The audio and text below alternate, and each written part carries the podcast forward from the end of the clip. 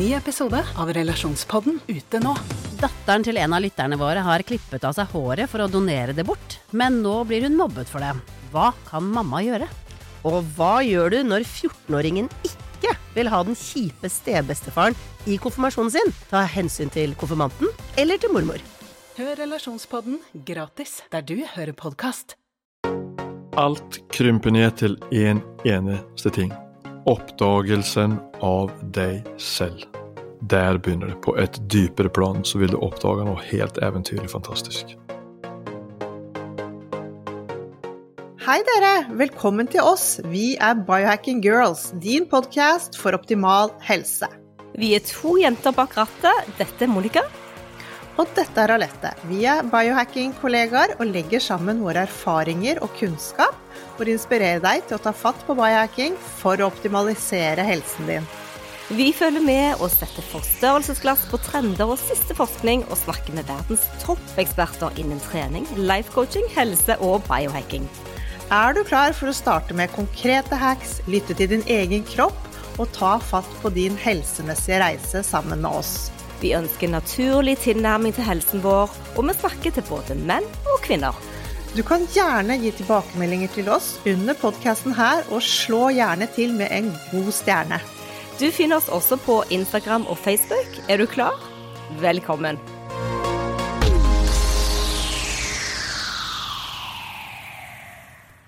Selvregulering, eller det å kunne regulere seg selv ut ifra den moderne verden vi lever i, blir stadig vanskeligere og mer utfordrende for oss alle sammen.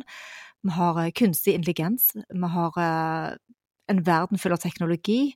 Vi kommer ikke helt tilbake til oss selv. Altså, vi får så mye forstyrrelser og vet nærmest ikke hvem vi er lenger. Nei, det er helt riktig, eh, og i dag skal vi snakke litt om dette. For vi hopper jo på alt av ny teknologi og tror liksom at dette er helt vidunderlig, og det må være bedre enn hvordan faktisk vi menneskene er skapt. Og jeg er ikke så sikker på det, altså. Nei, så ser vi jo at det er en del forskning hvor man har funnet nye klasser av antibiotikakurer som kan hjelpe oss, og det er via eh, kunstig intelligens, altså AI algoritmer. Og hvordan skal dette utvikle seg, tenker vi? Ja, hva tenker vi egentlig? Jeg er i utgangspunktet skeptisk, for jeg tror vi glemmer oss selv oppi denne teknologi- og kunstig intelligens-verden. Hva vil det gjøre med oss som menneskeart når dette bare blir mer og mer? Hva hvis vi begynner å tulle med chips i armer og i hodet? Hva vil skje med oss som mennesker? Det syns jeg er ganske skremmende å tenke på. Ja, og det er jo mange som snakker om at uh, den type intervenering av kroppene våre, og veldig viktig å snakke om i biohacking-miljøet, det kan påvirke vårt DNA i negativ retning. Det kan forstyrre DNA-et vårt. Og så er det et annet spørsmål eh, som vi stiller oss litt, og det er hvem er vi som mennesker? Hvor, hvor navigerer vi i oss selv? Altså, vi har hodet vårt, vi tenker og løser det meste oppi hodet, og av og til så føler vi at vi lever fra halsen og opp. Men det er et mye større organ som er viktig. Eh, jeg vet ikke om det er så mye større, men det er iallfall viktig.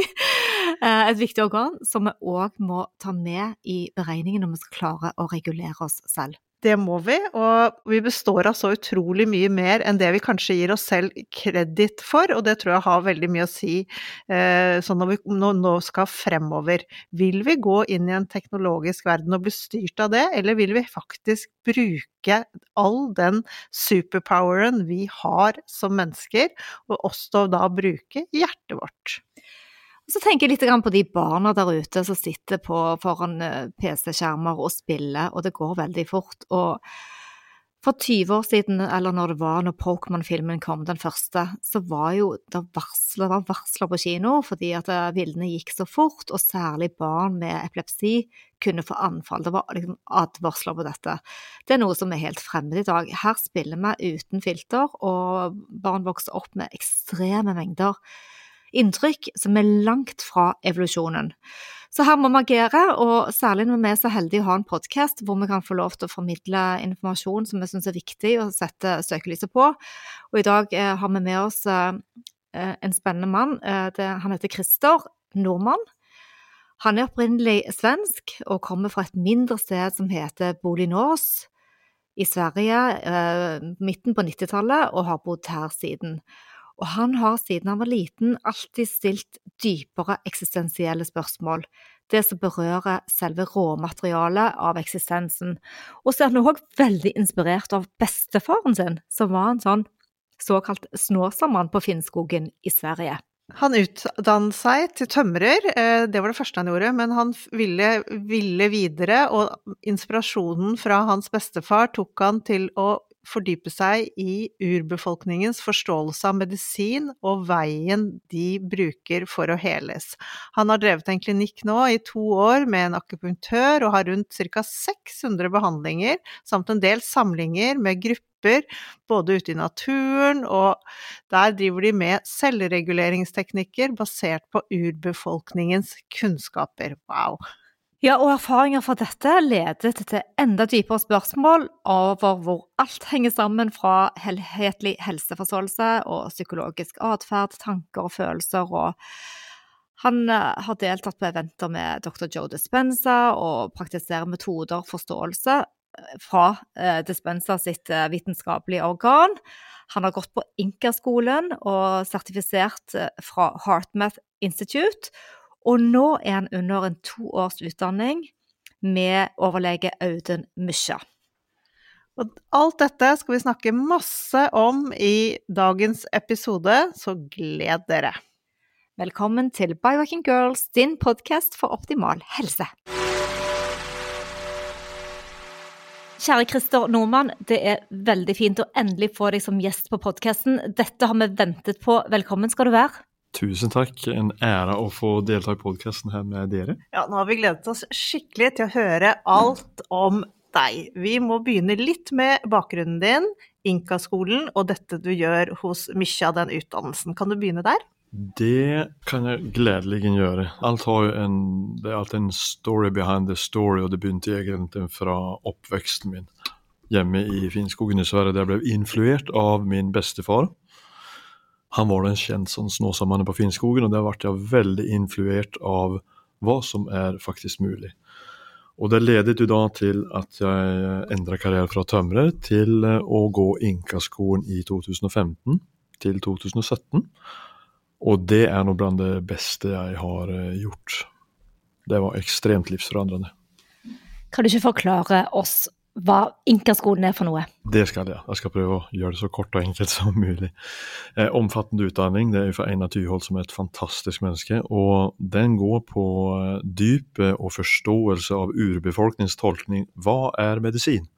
Og det har ingenting med piller å gjøre. Det har din egen tilnærming til deg selv, til naturen og omgivelser rundt deg, til medmennesker og dyr og alt som er. Og det er da en toårsutdanning der det er fire samlinger per år, der du tar del av initieringer, du tar del av eh, en type ritualer og forståelser og en praksis som gjør at eh, du får en høyere og dypere forståelse av deg selv, faktisk. Og dette med Audun Mysja, da, den utdannelsen du snart er ferdig med der, hva lærer du der, da? Oi, der lærer vi oss veldig mye. Alle vi som går der, når de spør oss hva er det dere lærer, det er vanskelig å svare på. For det er så omfattende, så det er vanskelig å definere det. Men, men, alt det vi lærer, det skal jo være definerbart, det skal være begripelig, og det skal være forståelig, håndterbart og gi en vareverdi hos mennesker. Og der det berører, er jo å gi oss som går denne utdanningen, knivskarpe verktøy for å kunne jobbe med mennesker i samfunnet. Forebygge parkinson og demens. Utvikle evnen å tilnærme deg selv eh, utveksle kommunikasjon mellom hjerte og hjerne, og hva det innebærer, og hvordan det kan påvirke din egen biologi med din egen oppmerksomhet. Og det er noe som jeg er ekstremt eh, interessert i.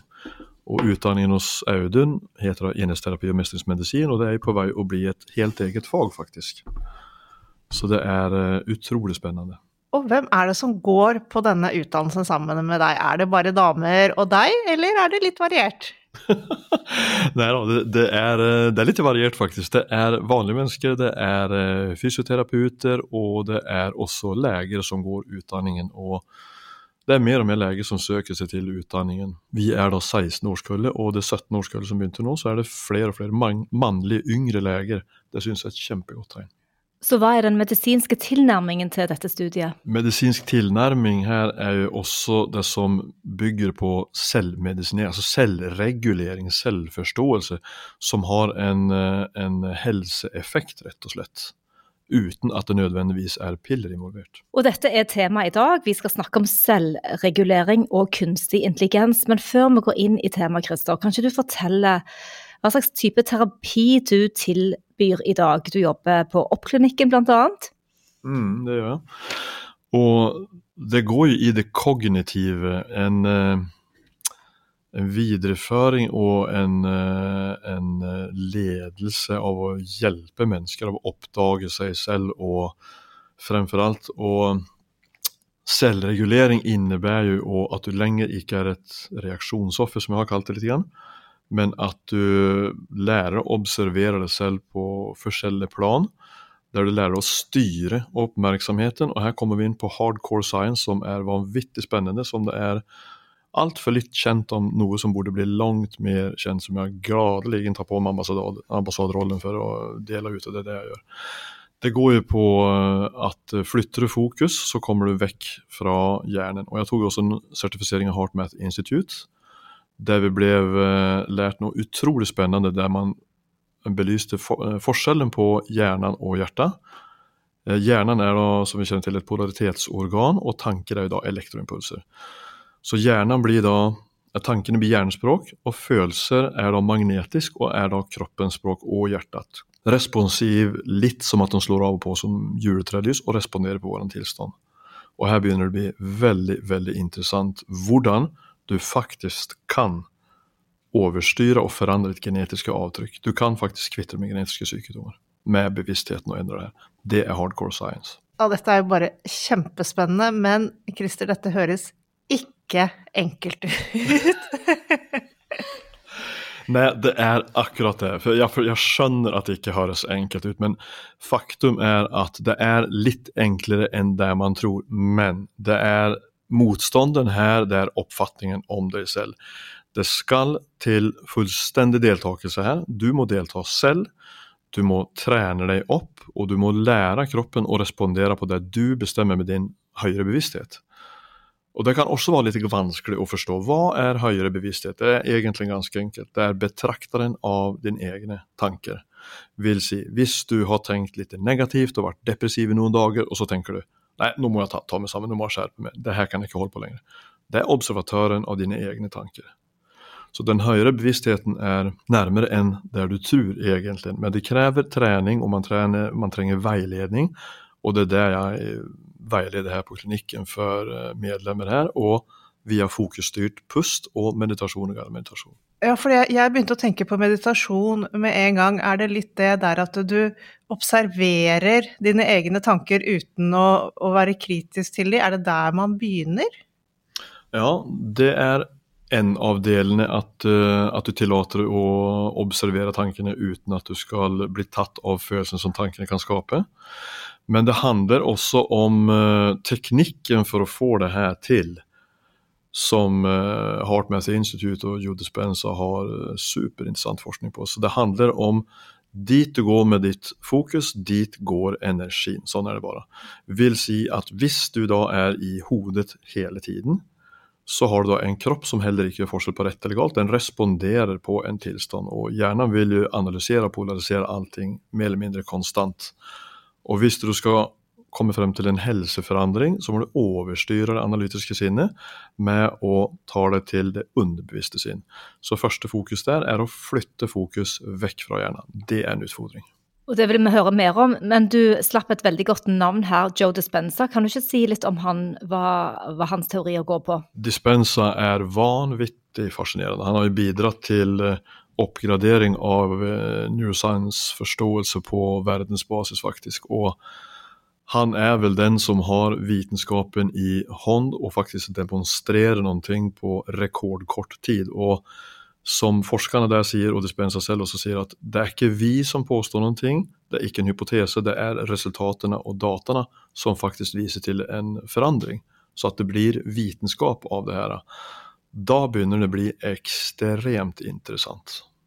Ja, det er vi helt enig i, men da handler det òg om å trekke denne vitenskapen ned til et sånt nivå at vi biohackere og alle som lytter på podkasten kan forstå dette. Og vi har et inntrykk av at mange tenker at man lever fra halsen og opp, opp til hodet.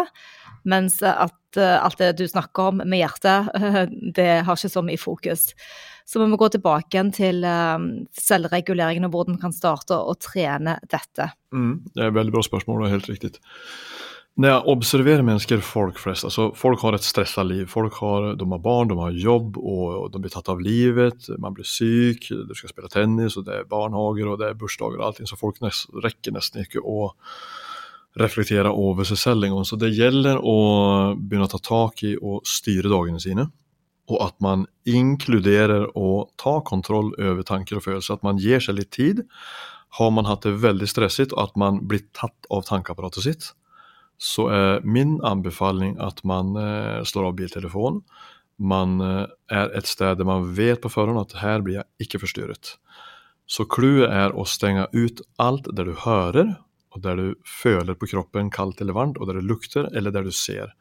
Så vil si, det handler litt om en overgivelses, en, en anstrengningsløs overgivelse til en prosess som nervesystem og hjerte vil respondere på. Men alt som da ligger i ufordøyt og ubearbeidet stress og traumer, vil faktisk bli mer bevisstgjort her. Men trauma er jo også fryst i tid og rom.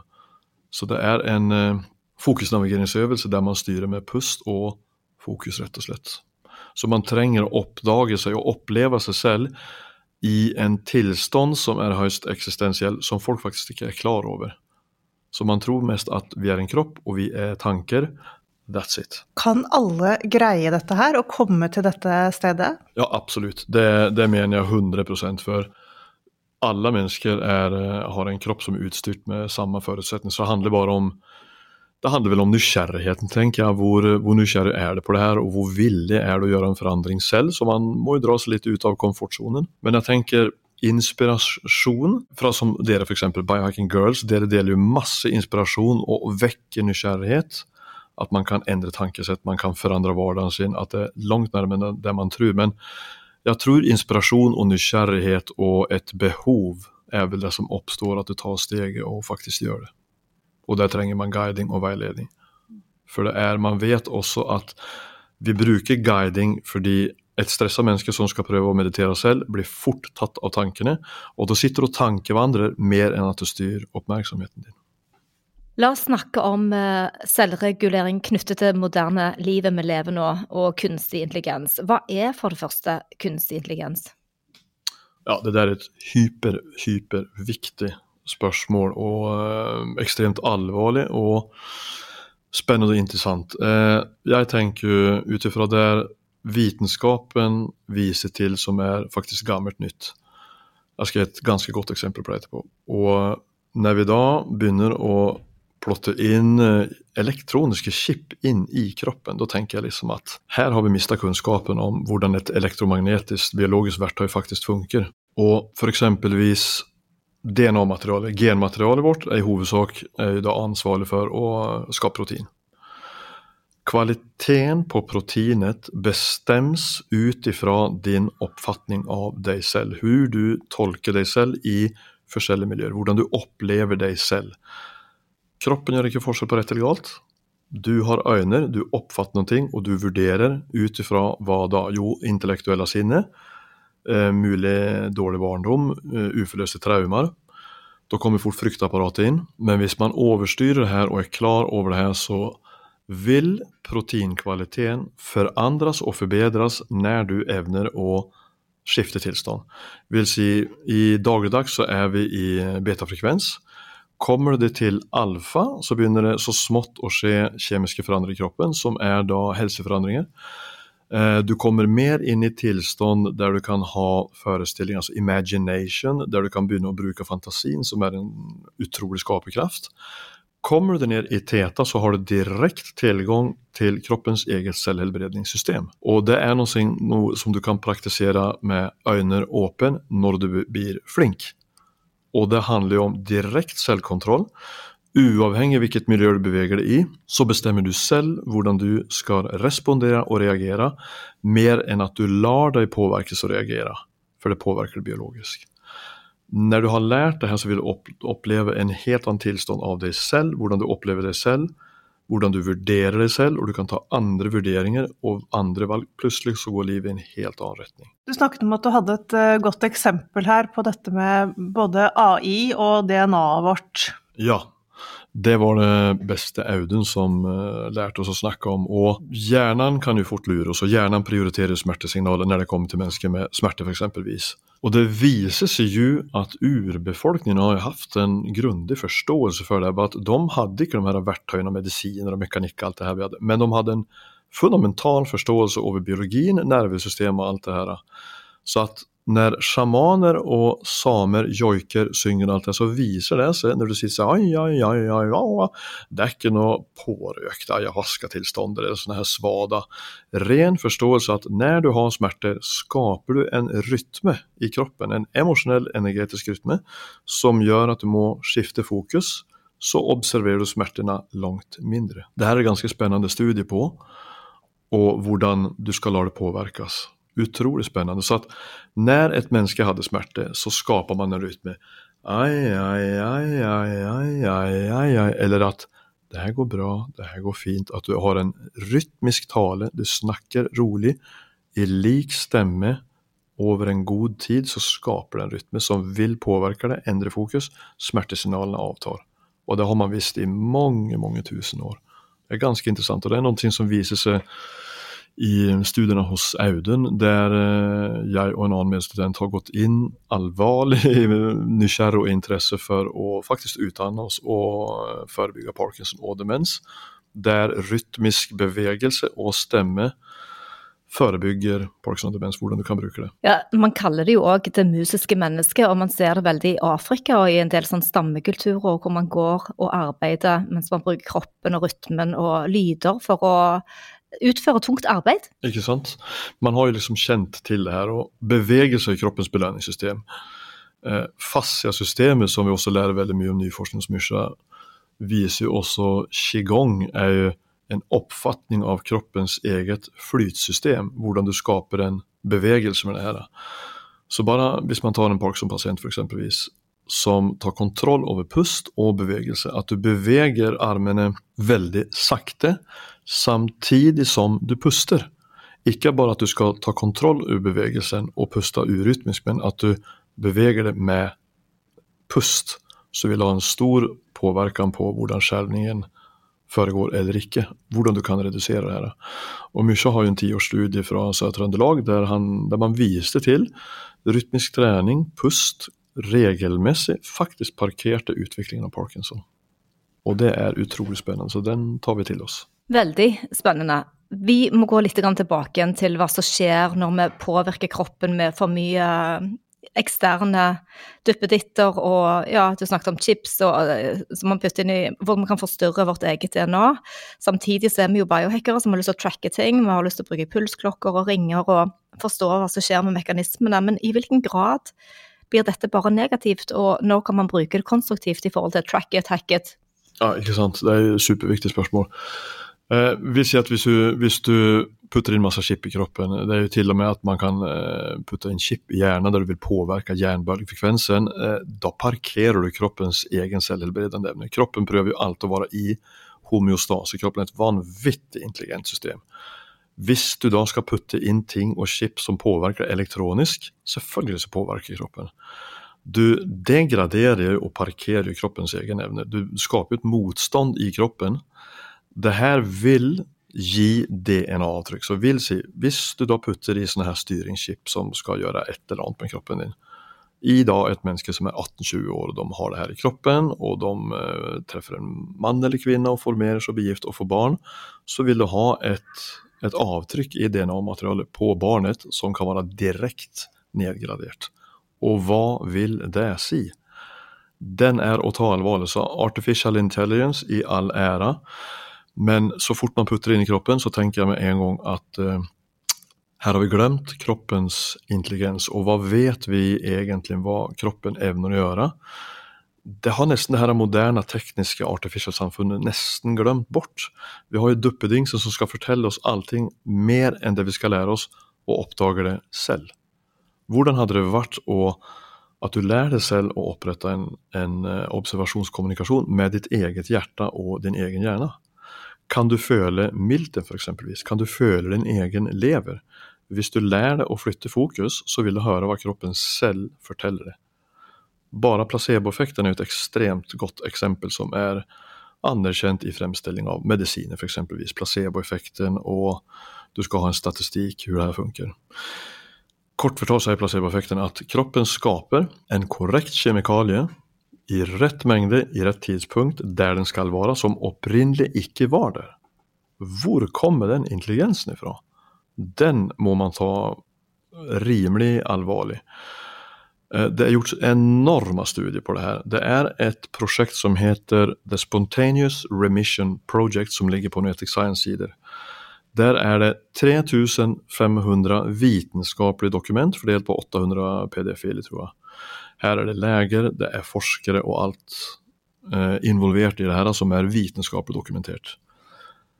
Eh, hvis man tar det her et steg lenger med placeboeffekten, et av eksemplene som uh, en lege som heter Lisa Rankin, som jeg følger, viser da til at uh, en mann i New York som jobba på en transportspedisjonsfirma, han var da ansvarlig.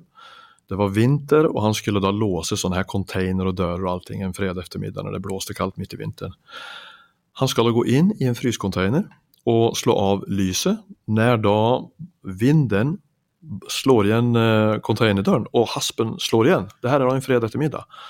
Det her er en fryscontainer, og denne fyren her, han vet at shit, det kommer ingen forrest på mandag. Det er et vel godt dokumentert tilfelle. Mandag morgen så finner man jo han eh, inni denne containeren etter mye søken etter han. Han er da død, og obduksjonen viser til han er død av kuldeskader.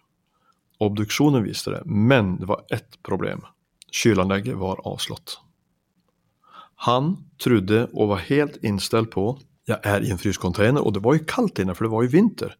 Men kjølanlegget var avslått, men det visste ikke han. Han programmerte kroppen skulle fryse i hjel, og kroppen frøs i hjel. Det er til og med gjort fake operations, masse med dokumentasjon på det. her, Der man har satt det her på spissen, f.eks. Eh, den 12. så får vi inn en pasient som har eh, problemer med blindtarmen, ikke noen big case. Legen har sett det her i, eh, i, eh, i forsøk og test. Individen kommer. Individen blir selvfølgelig ikke forstått noe som helst. Og han blir sittende med legen, og legen sier ja, i morgen skal vi operere deg, og du vet de her operasjonene slår aldri feil, og det er en helt vanlig operasjon, så i morgen er du frisk. Kjempefint, tenker pasienten og går og legger seg. Så våkner han inn i operasjonssalen, de skjærer opp og syr igjen, man har ikke gjort en damn shit med blindtarmen. Når man sjekker blindtarmen, så er den helt frisk. Ikke sant? Og jeg tenker, skal vi virkelig utelukke denne kunnskapen og oppdagelsen hva vi mennesker egentlig evner å gjøre? Hvis vi glemmer den her, ja da havner vi fort inn i artificial intelligence. Da har vi glemt at kroppen har en egen intelligens. Og for meg så skal det her virkelig være svada. Det er jo ikke det. Det er hardcore science. Jeg tenker at kan man lære seg her, så vil du lære deg en, oppleve en helt ny tilstand av deg selv. Hva gjør det med deg selv? Du vil med en gang forandre oppfatningen om deg selv, om andre. Det vil komme en mye større ydmykhet for livet. Jeg tror du vil sette mer pris på livet, rett og slett. Og det her er noe som jeg brenner for, og det her kan jeg egentlig snakke om i timevis. Jeg har så mange eksempler, så jeg vet ikke hvor jeg skal begynne. så det egentlig så er det Det er faktisk lettere enn man tror. Men litt som Dispensa sier, at det her er noe du kan praktisere i dagliglivet. At må det virkelig til en helsekrise for at du skal gå så langt at legen har gitt opp, medisinindustrien har gitt opp, og de sender hjem for å daue. Og mange sånne som kommer til dispensa. Men du trenger ikke å bli syk for å oppdage det her. Det her kan du begynne med som fullt frisk, selvfølgelig. Og måten det kan påvirke livet ditt, er jo helt fantastisk. Dette høres rett og slett ut som musikk i våre, våre ører. Det er jo helt fantastisk. Men det jeg sitter og tenker litt på, er at jeg ser for meg at vi vil gå i to retninger. At vi vil få to arter etter hvert. Den ene kunstige, og den andre som går for det naturlige som du snakker om. Hva tror du der? Ja, ja vet du hva, jeg har tenkt på det samme selv. Jeg tenkte bare herlighet, hvordan skal dette se ut om 50 år i fremtiden her, altså. Men jeg merker, og jeg tror at et bevissthetsskifte er uten tvil på plass. I dag så, takk være internett, avdeling av informasjon på godt og vondt, men det har i hvert fall ledet til at veldig mange mennesker setter seg inn i sine egne symptomer selv. De vet jo ofte mer om sin egen diagnose enn det legen vet, som da vekker en forståelse hos mennesker at jeg kan faktisk ta andre valg. Og det har mennesker begynt å gjort mer og mer. Og som jeg ønsker å jobbe i fremtiden, så er det jo dels med mine medstudenter på, uh, hos Mysja, og en uh, som jeg har uh, jobbet tett med, som vi skal jobbe med det her i samfunnet. Hvordan vi skal forebygge demensbølgen og parkinsonbølgen som er på stort inntog, som helsevesenet ikke har mulighet å imøtekomme. Og tilbake til DNA. Hvor mye av DNA-et vårt er i bruk, egentlig? Ja, det her er mind-blowing. vi bruker 3-5-6% av vårt tilgjengelige DNA. Eh, det har jo lenge vært kalt for junk DNA. altså Legene og forskerne har jo trodd at kroppen har produsert et overskudd av DNA, for det er ikke aktivt. Og da tror man at kroppen overproduserer. Og så har vi ikke brydd oss i det her. Og DNA har jo ekstremt mye å si, arvsmassen og alt det her. Og det man har oppdaget i dag, er at det er en gammel teori og kunnskap som har dødd ut. I dag vet man at du kan aktivere DNA-et ditt, men det skal energetisk oppmerksomhet til. Da aktiverer du det. Og hva skjer da? Da begynner det å bli hysterisk spennende. Den arvsmassen der har jo Inner Science Research eh, Foundation, som er da vitenskapelige organet til Dispensa, eh, Noetic Science har vist det her, og mange andre, at et genetisk avtrykk kan du forandre på tre til fem dager med en regelmessig praktisk, med førkunnskaper, og at du har lært en teknikk, og den teknikken og tilstanden praktiserer du, så måler man forandringer på Man ser respons på reseptorer i celler når du endrer tilstand. De har jeg tror de må ha sikkert 60 000 jernbølgefrekvensmålinger med mennesker som man vet på forhånd kan gå inn i gammafrekvens. Og der man da måler og ser sykdommer forandre seg på et kvantefysisk nivå som uh, er da en, en, tidløs formasjon, kan man jo si. For det er Kvantefysikken er da det energetiske feltet som Einstein snakka om, og det er et område som er mest forska på i hele verden. Veldig mye kunnskap om det her. Og forskerne er jo enige om at kvantefysikkens tilstand, energetiske feltet, det, der eksisterer ikke tid og rom. Der eksisterer evighetsprinsippen. Vil si ting kan gå rekordfort, rett og slett. Hvis du kan forflytte din bevissthet, at du bruker kroppen som et elektromagnetisk verktøy, som det er teknikker for som man praktiserer, og drar da ut denne bevisstheten der den ikke lenger er kroppslig. Der kan du få til vanvittig mye, og det er det dispensa gjør. Men ved å aktivere dette junk-DNA, da, da skjer det ikke så spennende tilstander? Eller kanskje spennende, men ikke så bra? Ja, eh, det er også Altså, det er Eh, snakker om halebeinet vårt f.eks. Eh, det er født en del barn med hale som har et eh, høyere aktivt DNA. Eh, puste under vann eller at du får hjerne. Gud vet hva det her kan bli. Så det her er ingenting som man skal gå løs på bananas på, selvfølgelig. Men, men, at det kan forebygge helse, uten tvil. Og det er akkurat det det gjør. Ja, det kan jo, bli, det kan jo fort bli eh, avatar-tilstander rundt omkring. Er du bekymret for den ultraprosesserte livsstilen vi alle er blitt en del av? Ja, dette gjelder jo ikke bare mat, men kosmetikk og hudpleie òg, og her gjelder det å velge riktig. Og vi som biohackere er veldig opptatt av å spise ren, næringstett mat for at huden vår skal se sunn og frisk ut. Skinome er fremtidens hudpleie, for den tar hensyn til helsen vår. Den er faktisk uten tilsetningsstoffer, konserveringsmidler og parfyme. Og det blir jo akkurat som en sunn diett med næringstett mat for huden vår. Vi er heldige og stolte ambassadører for dette forskningsbaserte produktet som inneholder aktive og ferske ingredienser som probiotika for å styrke hudens microbiome. Vi har brukt rens, serum og krem noen måneder nå, som er spesielt tilpasset vår hud, og dette føles virkelig deilig og naturlig. Og det er viktig med tanke på at opptil 70% av det du smører på ansiktet, absorberes og tas direkte opp i blodet. Da er det viktig med gode produkter. Skinome tilbyr alle en gratis hudpleietest og hjelper deg å velge riktig ut ifra din hudtype og dine spesielle behov. Og noe av det som er så herlig her, er at du trenger ikke et arsenal av bokser og kremer. Vi bruker kun de tre vi har snakket om, og får masse tid til overs. Ja, det gjør vi. Vi bruker rens, vi bruker serum og krem. Og that's it! Så blir det masse mer tid for oss å biohacke og gjøre andre viktige ting. Men det er én ting dere må huske med denne hudpleieserien. Den må faktisk oppbevares i kjøleskapet, akkurat som annen mat. Ta en titt på hjemmesiden til skinome.com, og da er det Skinome med E. Og bruk gjerne vår rabattkode, som er biohackinggirls 20 for å få din rabatt. Eh, Så litt tilbake til dette med selvreguleringen. Hvor lenge vi Jeg kjenner det faktisk på meg selv også. Det å holde oppmerksomheten lenge over tid syns jeg faktisk er vanskeligere nå enn det var tidligere. Hvordan ser det ut for de unge i dag? Hvor, hvor lenge klarer de å holde oppmerksomheten? Ja, det der er et vanvittig viktig spørsmål. Her er også noe som vi tar del av hos eh, Audun, som vi lærer oss veldig mye om.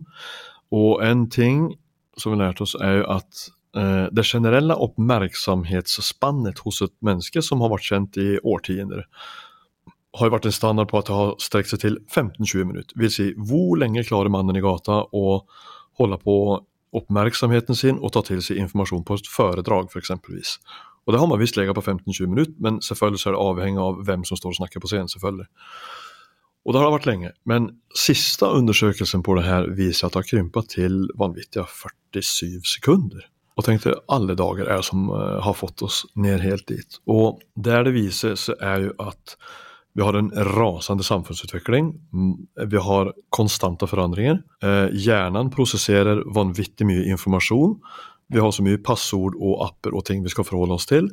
Hjernen roer seg ikke ned. Vi skjønner ikke hvordan vi skal være selvregulert og komme oss vekk fra beta, daglig frekvens og alt det her, som da mm, forhindrer restitusjon i kroppen og re- degraderer immunforsvaret f.eks. Og ungdommer da som Jeg så nå, jeg tror det var åtte-tiåringer som satt og spilte sånt der skytespill.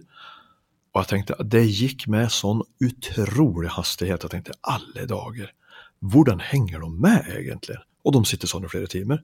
Men det viser sånne barn kan jo ikke lese en bok. Altså Hvis det ikke skjer noe i løpet av tre-fire sekunder, så klikker de helt ut.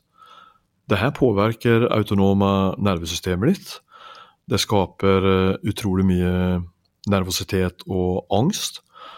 En bidragende årsak av det her er denne bølgen av, av Parkinson og demens som, er, som kommer veldig, veldig, veldig stort.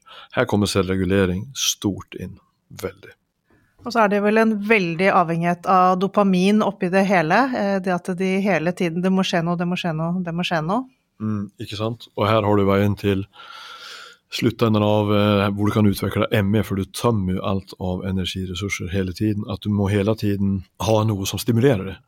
Og det er jo en stressfaktor, utrolig. Og teknikker for det her er jo noe som vi lærer hos Mysja, og det jeg har opplevd selv med å, på, som vi opplevde på Inkaskolen for eksempelvis, en av de større opplevelsene var jo når vi hadde den siste samlingen der vi skulle bo på fjellet alene i seks dager uten mat, og du skal ikke se mennesker. Så dels så skal du sette i gang en, eh, det som skjer når du setter kroppen i detox. Det tar jo 72 timer for kroppen å aktivere detox-systemet ditt. Vi hadde en del teknikker med oss, og en del lesestoff, og en del premisser vi skulle forholde oss til det her. Og du skal ikke se mennesker i det hele tatt, fordi oppmerksomheten din skal ikke forstyrres. Naturen, som jeg ser det, er vel blant det beste verktøyet som er å forholde seg til det her fordi den er intakt. Vil si, der du går ut i naturen, du slår opp din lavvo eller ditt telt hvis du er på hytta, så trærne beveger seg med vinden, og steinene står der de står, men det er ingen som begynner å hoppe og hyle og skrike og lage drama plutselig. De bare står der. Hvis du kan forholde deg til det her over tid, så vil du bare ha mulighet å regulere stress, og du har tid å fordøye, observere og bearbeide. Jeg opplevde de tre første dagene som vanvittig stressig. Det dukka opp, det, det, det liksom hoppa opp i kroppen, det spratt opp som en sprettboll. Eh, tanker, smerter, følelser, svek og sinne. Jeg tenkte alle dager er dette her, hvor kommer det her ifra? Så tenkte jeg det her kan ikke holde på i all evighet.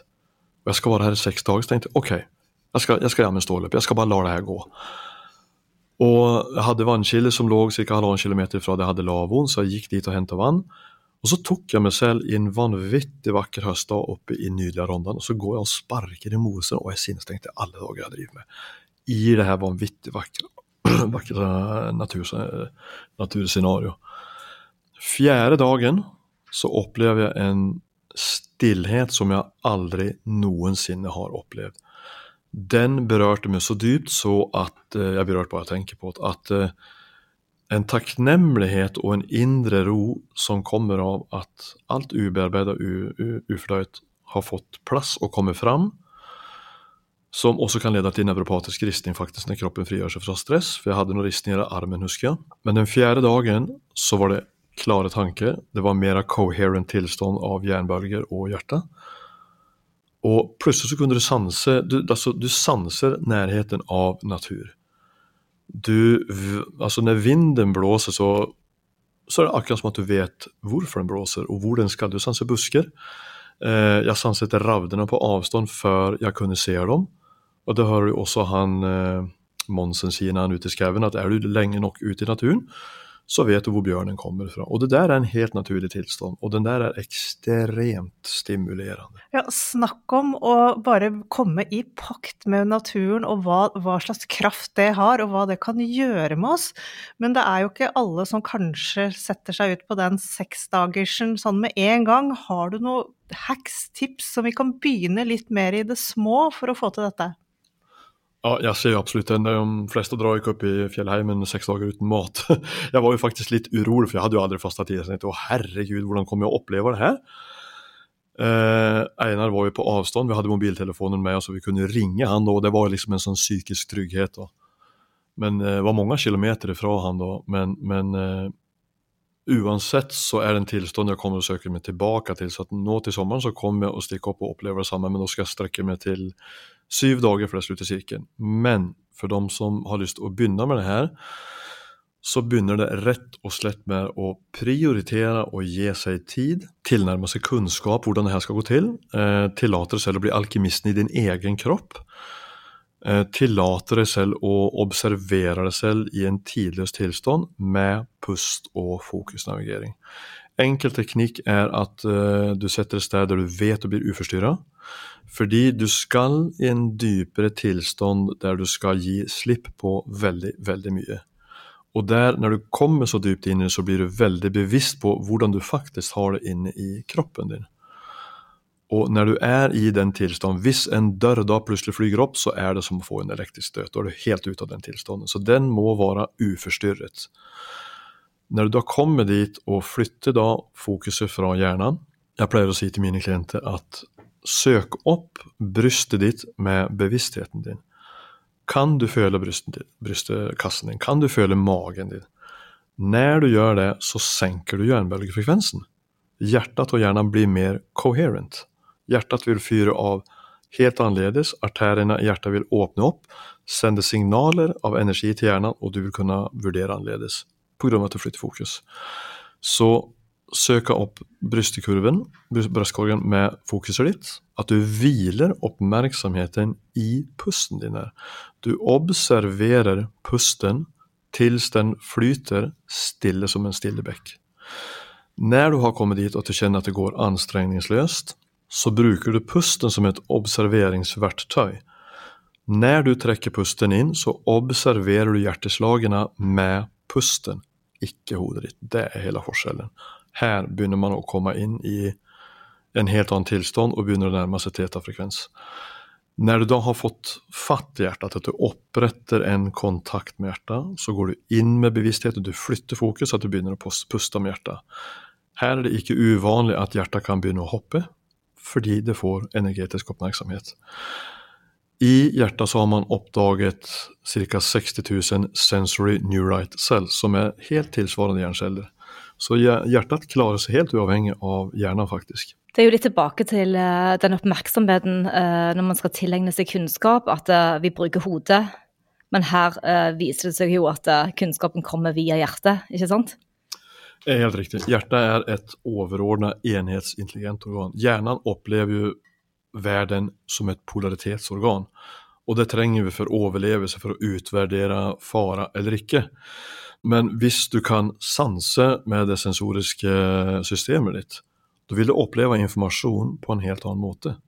Det er sånn dyr for eksempelvis, i länder der det er tsunamier og jordskjelv. Hvordan vet dyr at det kommer et jordskjelv? Jo, de er i fullstendig kontakt med nervesystemet sitt, hjertet sitt. Hela sensorsystemet är aktiverat fordi de kjenner forandringer i jordens elektromagnetiske frekvens, Schumann-frekvensen. Den forandrer seg i jordskjelv og tsunamier. Så dyr blir varsla om det her i forkant. Vi mennesker kan også det her, men vi må komme oss vekk ifra hodet. Analytiske sinne skal man være venn med, men det står også veien mellom deg og underbevissthetssinnet.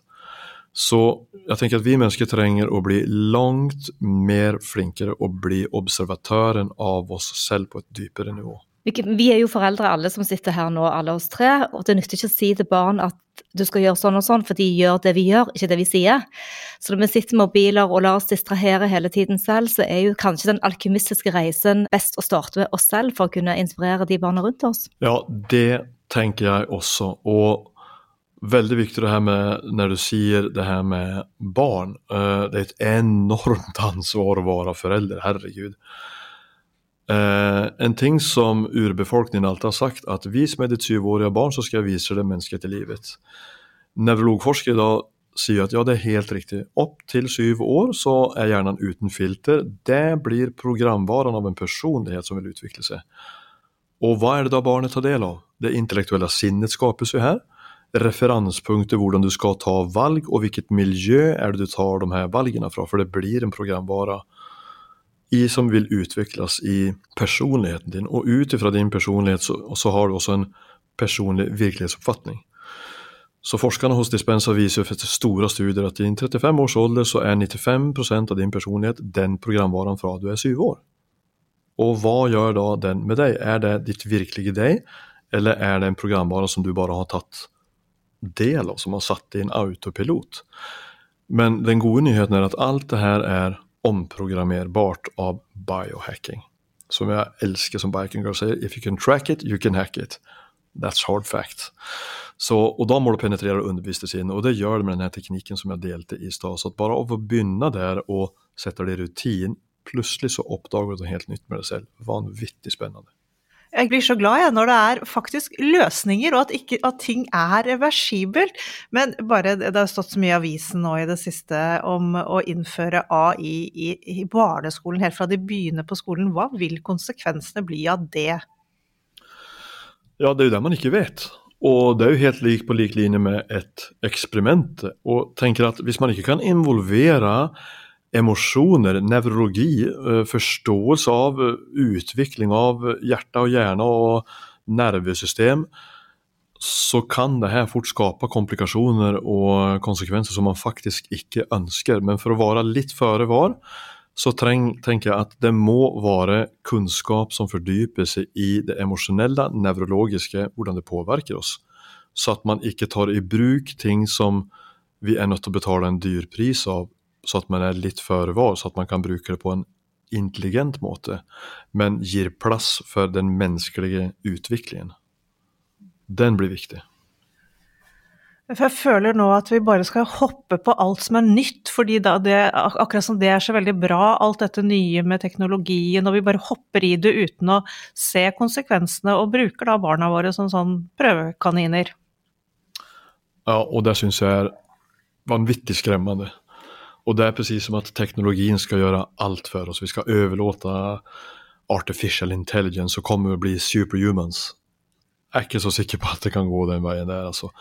Så de som driver med det här hade ju önskat att det var sådana som Dispensas forskare som var involvert när man ska bruka det här. Greg Braden är jo också en forskare som jag har följt i 12 år som är väldigt upptatt hvordan det här kan skapa påverka samfunnshelsen for eksempelvis.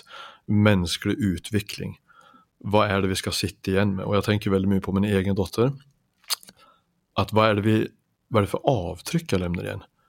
Hva er det jeg har gjort? Har jeg deltatt i en forbedring?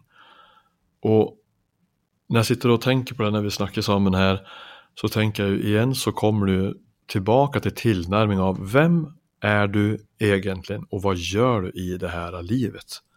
Hva er det du skal se tilbake på når du blir gammel? Hvilke minnen er du har delt? Hva har du gjort for medmenneskene dine egentlig? Og jeg tror at verden er i dag på et sted som trenger at hva kan jeg bidra med, mer enn hva kan jeg få ut av det her? Den tror jeg også påvirker oss på et dypere emosjonelt stimulinivå. Eh, som en eh, stor kommunikasjonsleder sa en gang. Hvis du er deprimert en hvis du er lei deg, gå ut og gjør et annet menneske glad. Gjør et menneske glad. Hjelp en gammel dame i butikken. Smil, så skal du få se hva du gjør med det. Bare en sånn liten ting. Så jeg tenker vi mennesker hører sammen. Eh, emosjonell intelligens, at man tillates å utvikle på dypere plan. Samforstand. Eh, tilnærme seg selv i naturen. Tilnærming av forståelse med dyr, f.eks. Jeg har utdanning i hesteterapi som er vanvittig interessant, og hester er jo en vanvittig respons på ditt bioenergetiske felt, hva du utgir til hestens tilstand, ut fra din egen tilstand, hva hesten responderer på. Så det er utrolig mye å lære om natur og dyr og samhørighet. Er det en dyp kilde å ta til seg av, tenker jeg. Vi har de siste årene hatt mye fokus på ultraprosessert mat, og så har vi òg snakket med han Chris von Tulliken om eh, boken hans som egentlig på engelsk heter Ultraprocessed People. Men det virker jo som at hele verden er ultraprosessert når vi begynner å tenke på kunstig intelligens og hva barna skal få av eh, inntrykk per sekund eh, under spilling. og det er veldig foruroligende, og vi håper jo at det er bedre tider i møte. Er du optimistisk? Ja, jeg tror at jeg ser at denne statusen med matindustrien i dag er langt, langt verre enn det folk faktisk er klar over. Hovedproblemet er at de fleste som bor i en by, eneste matkilden er butikken. Eh, det krever kunnskap, det krever eh, forståelse at til syvende og sist må man ta ansvar for sin egen helse. Man må utdanne seg selv, rett og slett. Det går dessverre ikke lenger å stole på at det du kjøper i butikken er rent. Altså Du tilfører så mye kunstige stoffer som kroppen ikke kan Den vet ikke hva den skal gjøre med. Kroppen prøver å kvitte seg med det her. Det setter seg i bindvev. Fyller det på det her hele dagen, ja, da har du skapt sykdomsforløp.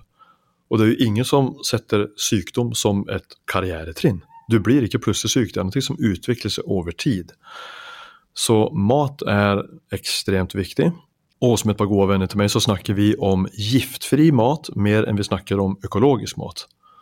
For det er jo dessverre så at en del økologiske merker har faktisk lov å bruke sprøytestoffer, men i mindre bruk, og da er det jo like langt, altså. Og hvordan man skal løse det her, så tenker jeg ja, alle dager, hele samfunnet er ultraprosessert.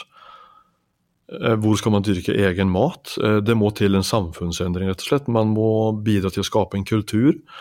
Man må begynne å jobbe sammen. Man må begynne å sette opp mer drivhus sammen. Eh, det må til en ny kultur for det her, rett og slett. Og det handler jo om hva vi skal igjen gi videre til våre barn. Så mange fine refleksjoner og tanker. Vi har jo snakket om eh, kunstig intelligens, vi har snakket om selvregulering og hva som påvirker kroppen, og det å bli alkymist og en bedre observatør av oss selv. Eh, forbindelse mellom hjernen og hjertet. At det, det er to måter å ta til seg kunnskap på. Det er et prosjekt helt til slutt så kunne tenke, vi kunne tenke oss å spørre deg om, The Langley Project. Dette vet du litt om, Christer. Kan du fortelle hva det er? Ja, herregud, vet du hva. Jeg hoppa jo høyt når jeg hørte om det her. Det var Dispenser som snakka om det her. Her satte man placeboeffekten skikkelig på spissen. Det er da en Harvard eh, Hun var da psykoterapeut på Harvard University heter The Langley, det heter noe mer, The Langley Project. Eh, jeg skal sende dere linken. Her var det da en dame som intervjua åtte menn mellom 65 og 85 år. Hun intervjua dem. Hvem var du når du var 25 år? Hvilke tanker gjorde du om livet? Hvilke følelser hadde du om fremtiden? Hvor var du på vei? Hva var drømmene dine? Hvilken musikk lyttet du på? Hva spiste du? Hvordan levde du? Hvordan så du ut der du bodde? I tillegg til det så tok man, man målte pokker med alt som gikk å måle. Man målte lengde på fingre, hjerte- og karsykdommer, diabetes, eh, hårfarge, blodtrykk, alt mulig som gikk å måle. Kognitivitet, syn, rubbel og bitt. Det man gjorde var at man eh, gjenskapa en, en jeg tror det var nedlagd flyhangar, der man skapa et miljø hvordan det så ut der de bodde da de var 25 år. Tapeter, gulv, avisoppslag, hermetikkbokser, klær, musikk, rubbel, alt for å skape det man kaller den epigenetiske faktoren av miljøet. Og ba da individen gjør det du kan og bli den du var når du var 25 år. Halsbrekkende resultatet på det her viste til at kognitivitet økte med 60% du forlengde telomeresen. Hjerte- og karsykdommen gikk ned. En hadde fått tilbake hårfargen. Fingrene hadde blitt lengre. Og tenkte bare oh my god, hva er dette her? Dette må belyses. Det her må utvikles. Det her må ivaretas og forvaltes. Hva skjer med samfunnet og mennesket når vi lærer oss det her? Plutselig så har det gått inn i en nyere forståelse Eh, vi kommer å ha et mye mer samhold. Jeg tror at eh, hvis man skal gå inn på det at eh, du overgår rasisme. Du kommer å se at vi hører sammen på et høyere plan. Andre mennesker vil bli like viktig som deg selv. Her tror jeg man kan passere en terskel som vil skape en vidunderlig fremtidsforandring. Vi har jo bare rett og slett, vi mennesker, en superpower i oss alle sammen som vi rett og slett må utnytte. Nei takk til kunstig intelligens, vi, vi må utvikle vår egen først, og så kan vi heller bruke det andre som et hjelpemiddel etter hvert. Helt rått, Christer. Ja. Jeg tenker òg på, hvis man skulle liksom eh, jeg tenker Hvis man skulle tenke at man skulle ha ett kosttilskudd, så måtte jo det være å komme tilbake til naturen. Ja, ikke sant. Helt enig vi hører sammen med naturen. Eh, skal man dra det helt, helt ned på subatomisk partikkelnivå, så er naturen ozonlaget rundt eh, atmosfæren, det står tydelig på NASAs hjemmeside, eksakt det samme partikler som atomene i kroppen er bygd av. Så at der har du sammenhøringen med en gang. Vi er lagd av det samme materien, alle sammen. Tusen hjertelig takk, Kristian Normann, for at du kom til oss. Tusen takk. Stort takk og beæret for å være med i denne flotte podkasten. Wow, Alette. Jeg uh, eh, syns dette var en veldig viktig podkast uh, og ny kunnskap for både oss og lytterne. Uh, å ta rett og slett biohackingen til next level. Jeg er så enig. Dette, dette må vi bare belyse mer og mer. Vi er liksom en sånn bane mot et sånt et sånt stressnivå som alle kjenner på, så er det egentlig bare inni oss selv vi kan forandre på dette. Det er helt rått. Ingen vil sette tilbake sitt eget DNA, altså det er vi født med. Vi må jo prøve å ivareta denne fantastiske gaven som livet er, og omgi oss med ting som faktisk styrker DNA-et vårt, og mennesker og naturen og relasjoner. Og òg det med å navigere ut ifra kanskje hjertet mye mer enn det vi gjør i dag.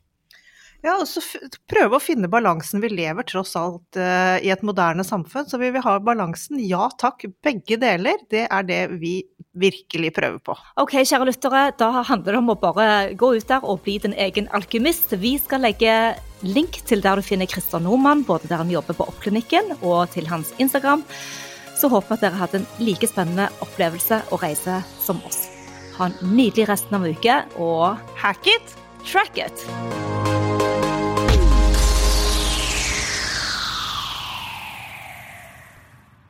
Vi minner om at dere må snakke med egen lege eller kostholdsveileder om dietter og andre spørsmål relatert til medisiner og supplementer. Informasjon vi deler kan ikke bli brukt til å diagnostisere, behandle, forebygge eller kurere noen sykdommer eller tilstander.